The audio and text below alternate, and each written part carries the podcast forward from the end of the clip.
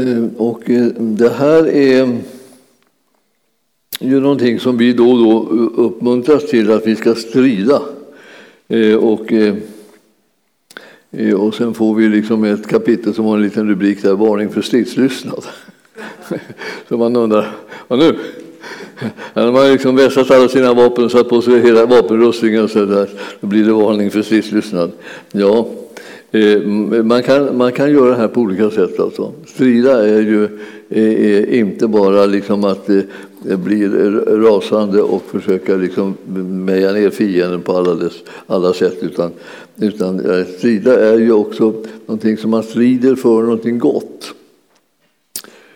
Så det är inte bara strida för att liksom besegra det onda utan även för att bana väg för det goda. Och jag Eh, känner att det finns eh, en livsstil som, eh, som är ganska bra, som att inte, inte bara rasa och uppröra sig över allting utan att, att kunna säga hur ska jag kunna främja Guds rike? Hur ska jag kunna främja livet för andra människor som jag möter på olika sätt? Och så har jag olika typer av funktioner så i livet. Så att det betyder att vi gör inte alla på samma sätt. Även om vi så att säga, på ett sätt gör samma saker. Det vill säga vi vill göra något gott och vi vill vara goda mot människor. Men hur tar det sig uttryck? Ja, det, det sker på olika sätt. Och man, om man börjar titta på det och börjar tänka över det så kan, så kan man se att människor liksom förvaltar sina goda gåvor på de här eh, varierande sätten. Så man kan glädjas över det man ser alltså av den tjänst som de utför. Eh, och, eh, och så kan man också samtidigt upptäcka att det har de gjort länge, men jag har inte sett det. Därför jag tittar inte efter, för jag tänkte att allting ska yttra sig på samma sätt. Och, och eh, så, så, är de goda, är de snälla, då gör de si och så. Och är, är, är de dumma, ogina och, liksom, och kritiska, och så, då gör de på det här sättet. Men det, alltså, det finns verkligen liksom olika sätt att göra det på. Och när man letar efter människor och deras godhet eh, så, eh, så kan man hitta den på eh, liksom alla möjliga, alla möjliga uttryck. Och det, det, det, finns en väldig glädje liksom i att märka att det behövs inte att vi gör det på samma sätt eller är likadana. Utan det, det, det räcker att vi har samma så att säga, inspirationskälla. Och det som ska driva liksom en kristen för att kunna leva ett kristet liv är att den älskar tillbaka honom som har älskat henne först. Det är alltså en kärlek från Gud som behövs för att man ska kunna leva ett kristet liv.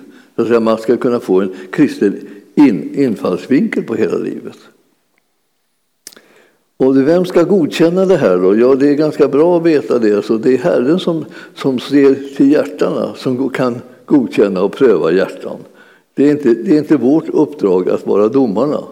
Vårt uppdrag är liksom naturligtvis att upptäcka och glädja oss över att människor gör goda gärningar på massa sätt som du kanske inte och jag inte hade tänkt att man skulle kunna göra, vara verksam på det området. Men, men det går det. Och, eh, och, och, när vi ser det så kan vi prisa och tacka Gud. Här i eh, fjärde kapitlet så är det egentligen någonting som vi skulle kunna kalla en kallelse till en livsstil. Och ni ser i tionde versen. Ödmjuka er alltså, under, eh, alltså inför Herren så att han kan upphöja er. Det är en kristen livsstil. Att man ödmjukar sig så att Herren får en chans eller ett utrymme att kunna upphöja oss. Alltså besigna oss kan vi säga. Ibland så jagar vi så mycket efter välsignelsen så Herren får aldrig in en enda syl i vädret. Vad ska han, hur ska han komma åt oss medan vi bara jagar efter våra, vinningen så att säga, istället för efter eh, göra tjänsten? Och eh, eh, då vill jag säga, det här, det här är en sån här nyckel som många skulle ha väldigt mycket nytta av. Därför att, att vi, vi, mm, och vi, när vi håller på så här på det här andra sättet som är, som är liksom mera självisk variant då, eh, så, så, så blir vi liksom lite irriterade över att det inte blir någon, liksom, några lösningar, någon, någon, någon hjälp, någon, liksom, någon, någon kraft så liksom, som att sätta stopp för det onda och det som är i vägen för oss så att inte vi kan förverkliga det som vi önskar och tänker. Och vi ska läsa den här, lite, det här stycket ända tills vi kommer ner till den här tionde versen från början här. Eh, varifrån kommer strider och tvister ibland er? Kommer de inte från eh, begären som för krig i era lemmar? Alltså, han ställer frågan till oss då, om vi, hur har vi upptäckt var det kommer ifrån det här? Alltså, liksom benägenhet till stridighet. Det är ganska bra om vi kan genomskåda det.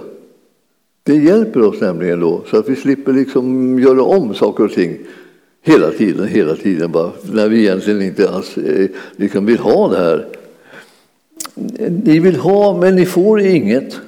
Ni dödar och är ivrig, ivrare, men ni kan inte vinna något. Ni kämpar och strider, men har inget därför att ni inte ber. Jo, ni ber, men får inget därför att ni ber illa för att slösa bort allt på njutningar. Alltså man har så själviska behov som man hela tiden ber om. Och det, den enda som ska ha nytta av bönesvaret det verkar vara en själv. Så, och det blir ingen bönesvar. Och det beror ju på att Herren ger inte gåvor som bara ska liksom, eh, liksom utnyttjas av själviskhet. Utan hans gåvor är liksom någonting som ska liksom förmedla vidare den kärlek som man har till människor. Inklusive den som tar emot gåvan först.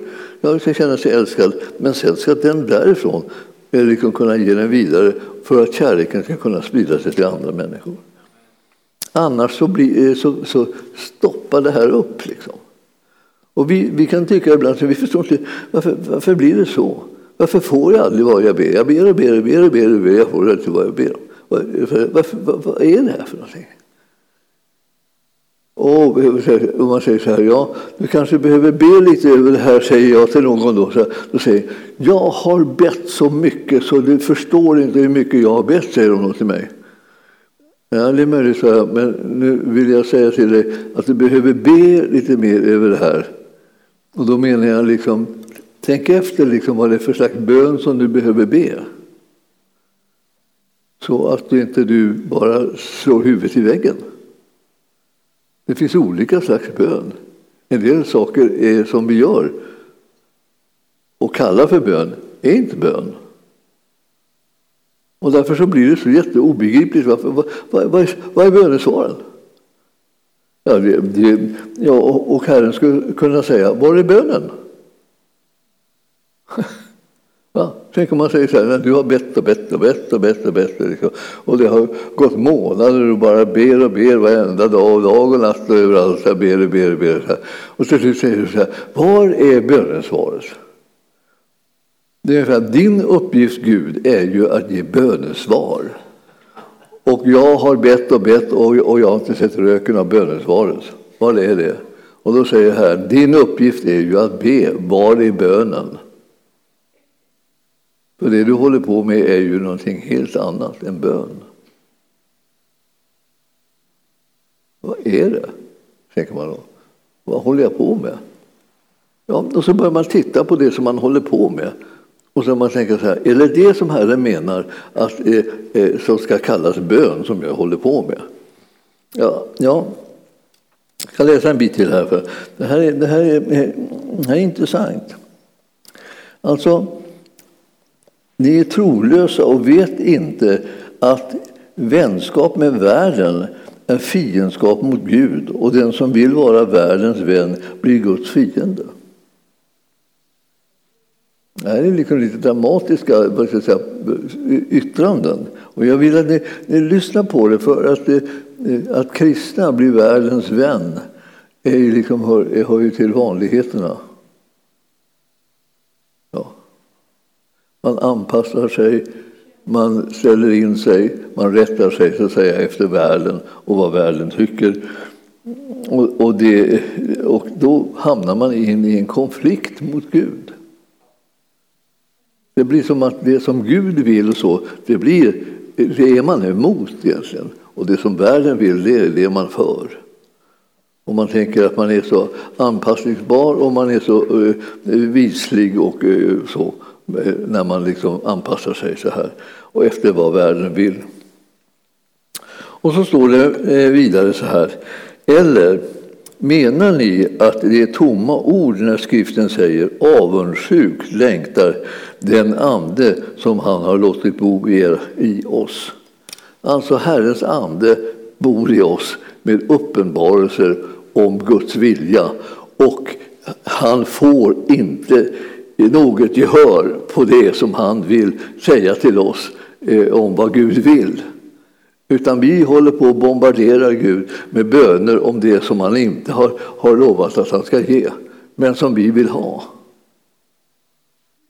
Och därför så kan jag säga att det, det är inte omöjligt att få förlåtelse för sådana här dumheter när man gör det.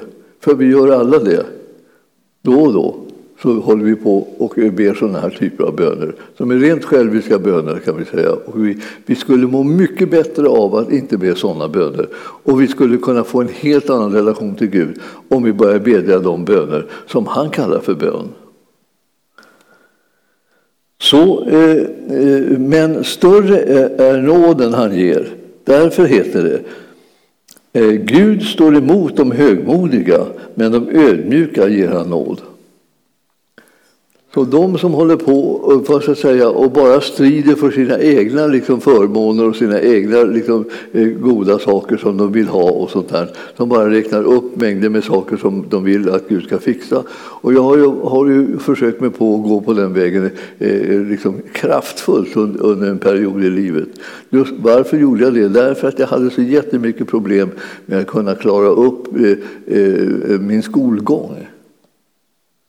Jag var liksom på något sätt eh, eh, sovande. Eller, jag vet inte vad jag ska kalla det för, för någonting. Jag hade gått i dvala på något vis.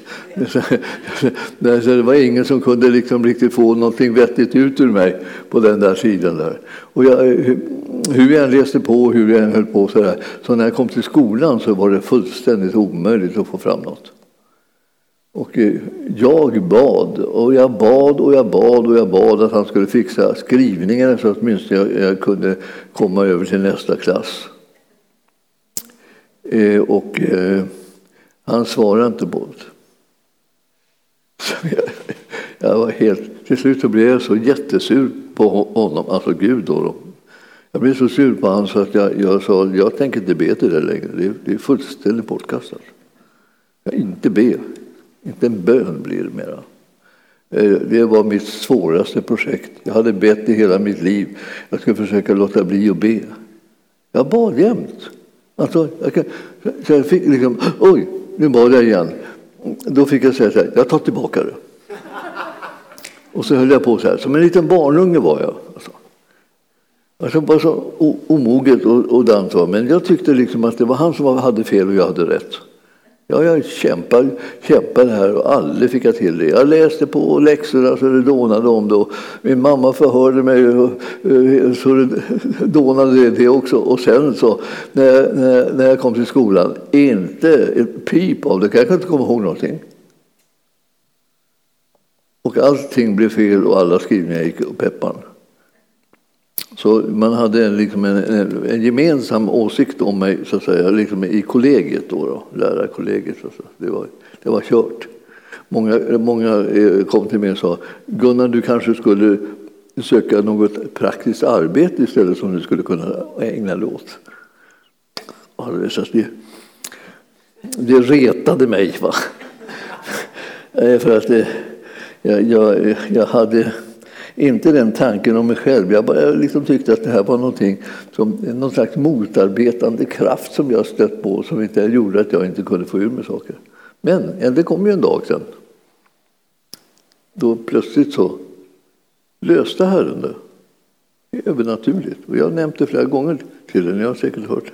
Alltså, jag sitter och ska skriva en tysk skrivning i en sån här stor sal så här, och vi satt och skrev eh, tyska, tyska skrivningar. Då. Ja, jag räknar med att det var en sån här som man skulle, där man inte visste någonting då. då.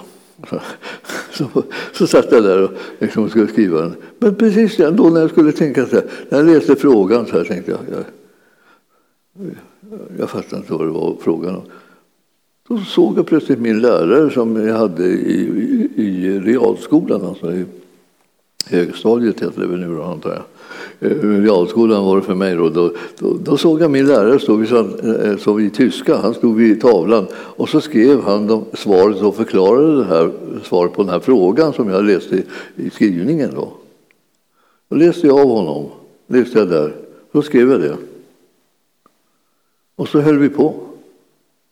Tills jag hade svarat på alla frågor och allting. Alla rätt. Och då hände det att alla trodde att jag hade fuskat. Det har inte hänt alla rätt med, någonsin i mitt liv i skolan. Alla rätt, vad är det för någonting?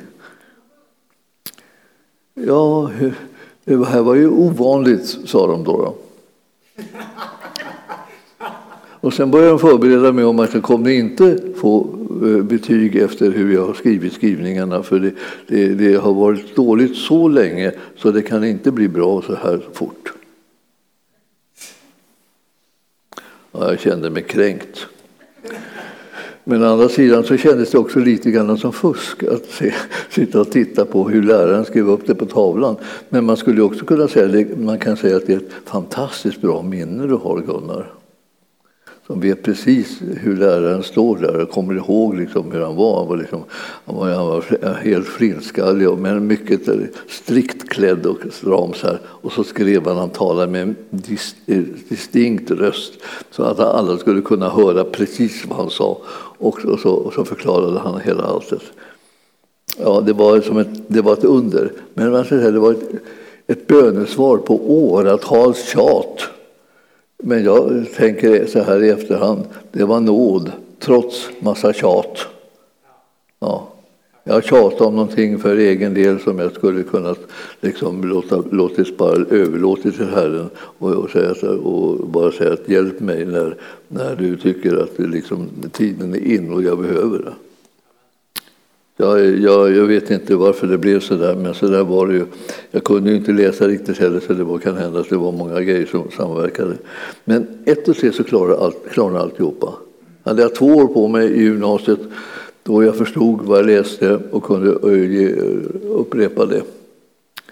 Ni förstår att eh, Eh, det gäller att inte bara liksom nalkas det här med högmod och, och uppkäftighet och ilska och sånt där och kritisera Gud och så. För jag kan tala om för er, det är inte han som ska kritiseras, aldrig. Han är god, alltid god kan man säga. Så, du, du, så har, har, du hakat upp det på att, Gud, att det är något fel på att Gud inte hjälper dig så, så, så är, är det, det är inget fel på Gud. Utan det är någonting som du inte har lärt om honom, som du behöver lära dig, som, som, som kommer att klara så småningom. Och, och jag tror att det, det, det, det, ger du inte upp bara så kommer han att vara den som räddar dig, precis som han räddar oss alla andra. Sjunde versen. Underordna er därför Gud. Stå emot djävulen så ska han fly bort ifrån er. Det är ett jättebra råd. Man kan stå emot fel person. Alltså, stå inte emot Gud, stå emot djävulen, är, är, är ordet här. Alltså. Om du, om du håller på att stå emot Gud, då kommer djävulen liksom tänka att det här är ju kalas. Nu, nu, nu, nu får, inte, får inte Gud igenom någonting här. För nu, nu står de emot Gud och, och, så hjälper han oss att stå emot djävulen, hjälper oss att stå emot honom också, så alltihopa liksom bara låser sig. Och, och, eh, och det, det, är liksom, liksom en festdag för, för djävulen och hans, hans eh, eh, bihang. Så, så, så, då kommer alltså han fly bort från er. Och så står det, hur ska jag kunna stå emot djävulen då? Det måste ju vara ändå så att han är starkare än jag. Ja, så det står så här, närma er Gud så ska han närma sig er. Gör era händer rena, ni syndare. Rena era hjärtan, ni tvehågsna. Alltså är det som att, mera som att frågan om att om du nalkas Gud så kommer du kunna vara i den positionen att du kan driva djävulen på flykten. Du gör inte det därför att du själv är så rasande stark utan det är det han som är med dig. Han är större än den som är i världen. Och du känner bibelstället och du skulle kunna liksom använda det så här, så här istället för att bara liksom knota och klaga och, och liksom ge upp inför olika omständigheter som sätter sig på tvären i livet. Så, så säger vi så här att det här tillsammans med Herren så kommer vi vinna en härlig seger. Alltså, det är inte frågan om att det ska gå någon annan, på något annat sätt om vi bara lyckas med någonting som han alltid säger till oss. Vakta din tunga. Kalla på de saker som Gud vill att du ska kalla på. Och tala ut de saker som Gud vill att du ska säga när det gäller fienden. Du ska stå honom emot. Du ska inte acceptera det han gör. Du ska inte springa omkring och, och liksom bara ynka dig liksom och, och, klaga för, inför alla människor så, så mycket du orkar och tänka att det här, ja, då, så du ska få lite medhåll så att de, de också ser hur dum Gud har varit mot dig.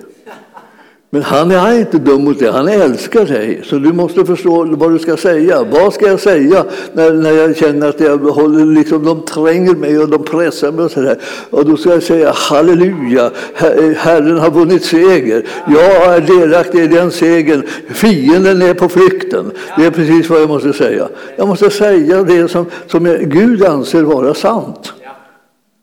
För jag är inte den som vet vad som är sant, det är han som vet vad som är sant.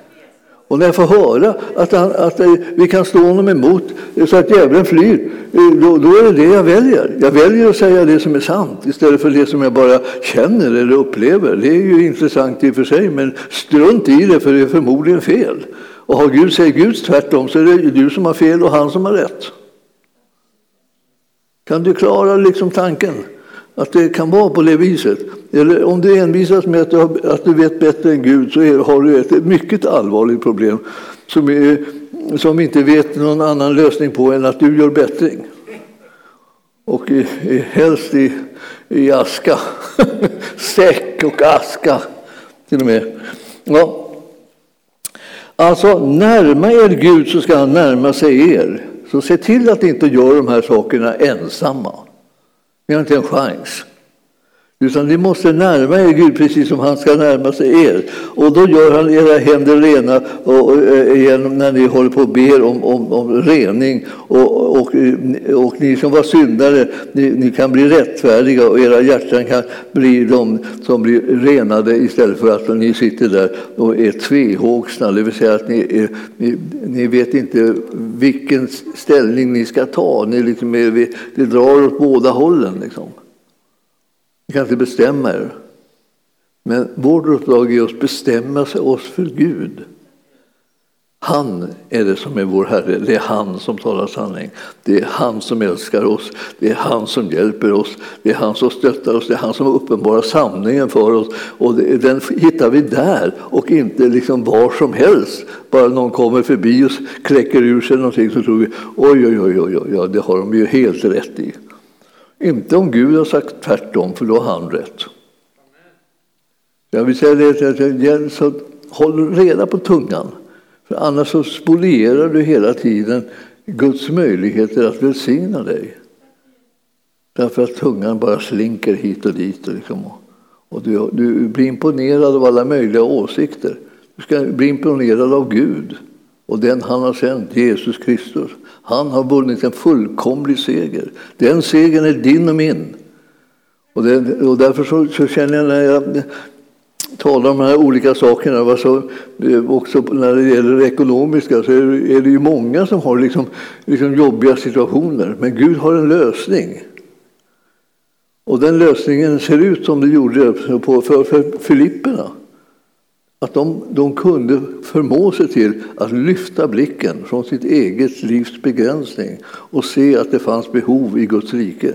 Och så gjorde de sig delaktiga efter förmåga med att lösa de behoven som fanns. Och Herren säger att det, liksom, det ska, ni, ni ska inte fattas till någonting.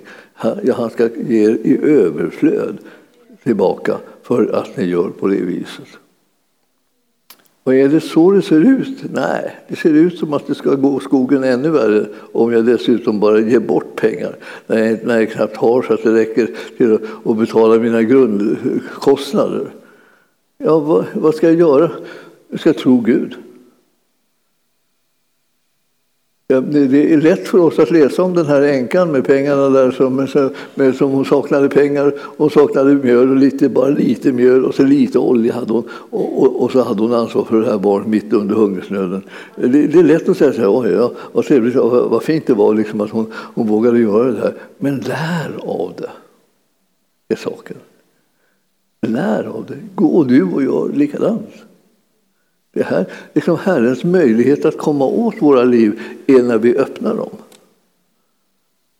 Om vi stänger dem så här, pang, så är det som, som att ja, han, han är utestängd. Vi väljer att inte liksom lyssna på hans råd. För att nu har vi en allvarlig situation. Nu kan inte vi hålla på och bara lyssna på Gud om han ger alla möjliga konstiga råd. Utan vi vet väl själva vad vi behöver, säger vi. Och då skulle Gud kunna svara, det vet ni inte alls. Det jag säger till er, det är det ni behöver.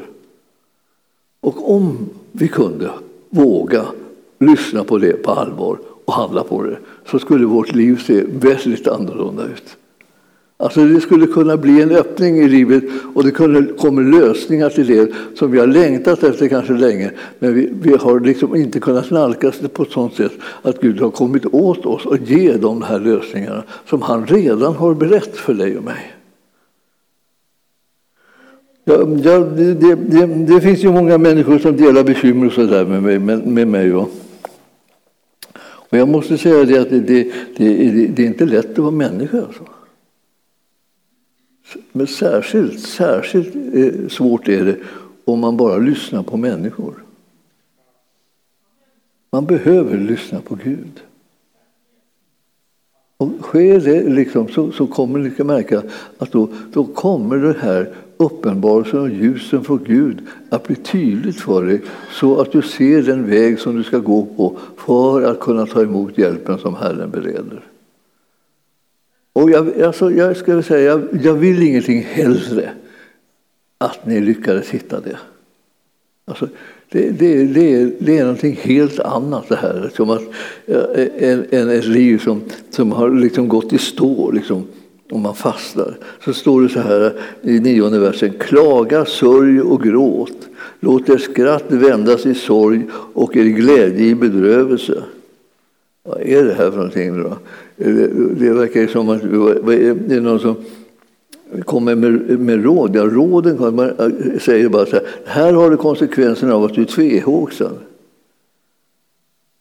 Det är ungefär som svaret. Du kan inte tjäna både Gud och mammon. Då kommer du liksom få klaga, sörja och gråta. Liksom. Och, och allt blir sorg och er glädje blir bedrövelse. Men så står det här så här. Gör så här istället. Ödmjuka er alltså inför Gud så ska han upphöja er. Om du väljer så här, du väljer, jag tror på honom, jag håller med honom. Jag, jag tänker som han, jag vill göra som han säger. Och det här, då kommer han att kunna upphöja dig. Låt honom få chansen, så att säga, att göra det som är hans plan och vilja med ditt liv istället för att du hela tiden liksom håller på att envisas med att det är du som vet bäst. Du vet precis vad han ska göra. Du har tjatat på honom i flera år. Kanske, liksom, att det här har jag ju sagt till dig i åratal att du ska göra. Jag vet väl vad jag behöver. Jag, jag gör ju med om det här livet. Så här har jag det, så här är det. Och så, och så tror Gud att det är på ett annat sätt. Det är ju det som är så svårt att säga till äh, varenda människa. Att äh, Gud vet bättre. De tycker inte om att höra det. För de har liksom tränat sig på att liksom tänka, jag vet bäst. Jag skulle vilja, jag skulle vilja liksom, tänka så här, skulle våga ta en paus. Alltså en annan paus än det bara det att man går bort och vilar sig någonstans bara där man tycker att det är jobbigt. Liksom så här. Utan en sån där paus ifrån sina egna envisa åsikter. tar man en paus ifrån det och så håller man med Gud istället. Då kanske det händer någonting överraskande. Det kanske räcker med de här, de här följderna av det som jag eh, liksom får när jag gör som jag själv tänker. Det kanske, man, kanske, man kanske är nöjd, det räcker nu då. Nu, nu räcker det. Jag vill inte, vill inte ha fler konstiga konsekvenser av mitt tänkande. Utan låt mig liksom vara en som följer Jesus och tänker att det han säger är rätt och bäst för mig. Så följ mig, säger Jesus till folk liksom som, har, som sitter här och har arbete och ansvar eh, för anhöriga och, och vänner och, och eh, har saker att sköta och familj och barn och allt med. Följ mig, säger Jesus. Och vad gör de här människorna då när de får, när de får Jesus kommer sådär och bara susar förbi och i, och i förbifarten slänger ut sig Följ mig, så här. och sen går han. De släpper alltihop alltså. Hela försörjningen, eh, pappa och mamma och alla, alla, alla, alla ansvar som, deras som de har. Och så följer de Jesus. Och då tänker man, det var det värsta, fruktansvärt sätt att de ska göra oansvarigt. Och så jagar vi upp oss nästan så vi håller på att liksom koka över. Och så visar det sig sen liksom att, att eh, det, det, är inte så att det här, det här är hela berättelsen. Det här är bara själva grundinställningen att man väljer först och främst att följa Jesus. Vad händer då? Det står ingenstans att föräldrarna dog och gick under och svalt ihjäl och alla näten blev aldrig lagade och de fick aldrig någon fisk mer och barnen liksom gick ut på gatorna och eh, rånade folk eller något. Eh, ingenting, ingenting, ingenting sånt. Alltså. Det står tvärtom att man, man märker att, att en hel del av apostlarna hade familj. Ja, men om de prioriterar Jesus så kunde de ha familj då. De, de, de, de måste i så fall föda den på något sätt. Ja, Jesus han, han ordnade ganska mycket mat om det säger, när det bara knep lite. Så, så, säga. så när de skulle dela ut mat till alla dessa människor som behövde mat så behövde de ju samtidigt mat själva också. Till dem fick de ju tolv korgar över. Det är en bra siffra. Tolv. Det var några som var tolv. De stod där och hade delat ut mat hela dagen så att de var helt slut. Liksom knappt kunde lyfta armarna därför att de hade delat ut så mycket mat. De var tolv. Så det kanske händer att de helt rent av, man har gissar ju lite här, men, men tänker, med tanke på att det var tolv så kanske de fick varsin korg och gick hem till sin familj. Här kommer checket. Ja, alltså. Han hade omsorg om dem. Men man kunde inte se att det startade så. Det startade med att de skulle välja honom och prioritera honom och det var det som eh, saken gällde. Och det är det som saken fortsättningsvis gäller också. Att vi ska prioritera Jesus. Det är inte någonting som får gå över, ebba ut sådär. Man tänker, ja, jag vet inte. Du kan säga det. Eh, eftersom du, du är här just nu så kan du känna dig liksom lite trygg. Då. Så säger jag så här, ah, jag vet inte om jag orkar gå på något möte. Nej, jag tror jag stannar hemma. Det är liksom skönare. Jag kan stanna hemma och, så få, eh, liksom, och vila mig lite grann. Jag har, jag har varit så duktig och jag har gjort så många saker. Och jag, jag tror inte att jag orkar mer liksom, att gå på möten. Det är på kvällen, det är på kvällen också. Jag är så jättetrött. Och jag kunde titta på tv och det kunde vara något trevligt där och så. Alltså, det förstår, alltså, man, man liksom ebbar ut med prioriteringarna. Man tycker inte det är viktigt sådär. Ja, men du tänker, ja, men det, det finns ju många goda skäl varför man ska vara hemma, man har mycket att göra, man har mycket ansvar och sånt där. Så där. Ja, du får ha hur mycket ansvar du vill.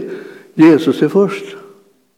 Det är, det är ingen idé att hålla på och säga att jag har eh, andra saker som är först Jesus, ta emot min ursäkt. Jo, det har vi, vi har läst om det i Bibeln.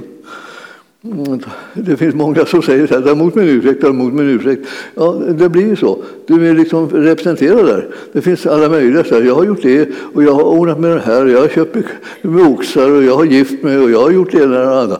Ta emot min ursäkt. Det finns massor. Men det är inte vägen. Vägen är han först. Allt det andra ska tillfalla dig. Har du hört det? Det är inte du som ska fixa det andra, det är han om du tar honom först.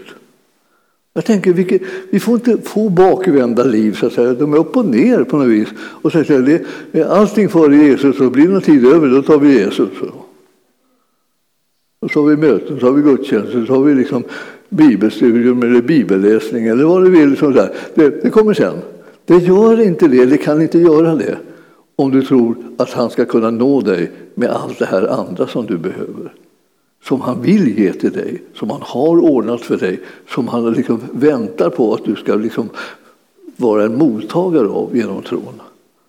Men då behöver du ju faktiskt prioritera honom först. Ja, nu vet jag att ni vet det här, men det är liksom jobbigt riktigt kanske att höra det. Men å andra sidan så är ni kärleksfulla och fina så ni förlåter mig att jag nämner det här. Jag vet att det här är vägen. Men den är naturligtvis lika utmanande och så för oss allihopa. Det är inte bara, bara för er, det är för mig också. Hela tiden så är det så att man måste påminna sig om vem det är som är först ordentligt. Så att man, så att man gör rätta prioriteringarna. Och Guds rike blir det eh, rike som växer och utvecklas därför att där finns det människor som älskar att tjäna och, och överlåta sig till Jesus och ödmjuka sig inför hans vilja. Så att allt det här som de behöver för övrigt kommer att tillfalla dem. Himmelske Fader, jag ber att du låter de här sanningarna verkligen komma ner och, liksom och, och få en plats i hjärtats djup så att vi kan leva ödmjuka liv, sådana som är anpassningsbara till dig och din vilja. Vi kan inte tro att det finns någonting annat eller någon annan varelse som vet bättre än du vad det är som är rätt för oss. Vi kan inte tro det. Vi kan inte tro att det finns någon annan som är mer kärleksfull och mer omtänksam än du, Jesus. Och därför så vill vi bara säga att du är först. Det, även, om vi, eh, även om det känns lite nervöst kanske, eller ovant att du ska få vara först. När alla möjliga saker i världen säger man där att då är det först, eller det här är ju först. Man säger att familjen är först, man säger att hustrun eller maken är först, man säger att barnen är först. Man säger att det är först liksom viktigt att skaffa sig eh, så att man har, kan försörja sig och, och kan skaffa mat och kläder och husrum. Det är viktigt. Men det, det, är du som är den viktigaste. Och jag vill bara säga till dig Jesus att vi säger, förlåt oss för att vi så lätt liksom glider bort ifrån det som eh, gäller för Guds rike och in i det som gäller i världen. Vi är inte kallade att eh, liksom vara till lags för vad världen vill. Vi är kallade att vara till lags för vad du vill och vad du har tänkt med våra liv. Så vi överlåter oss på ditt och vi ber för, förlåt oss och rena oss från, från all synd och all själviskhet och all, alla felaktiga tankar så att vi kan känna igen dina tankar och ta emot dem och leva det livet som du har gett oss så att det blir glädje och salighet till fyllest. Jag prisar dig Jesus för att jag får tjäna dig och känna dig. Jag prisar dig att jag får göra det tillsammans med syskon som också vill tjäna dig och, och följa dig. Jag tackar dig Herre för att ingenting ska fattas oss eftersom du inte vill att det ska vara så på, på det viset utan du vill att vi ska ha allt vad vi behöver och få det genom dig. I Jesu namn. Och församlingen sa Tack Jesus.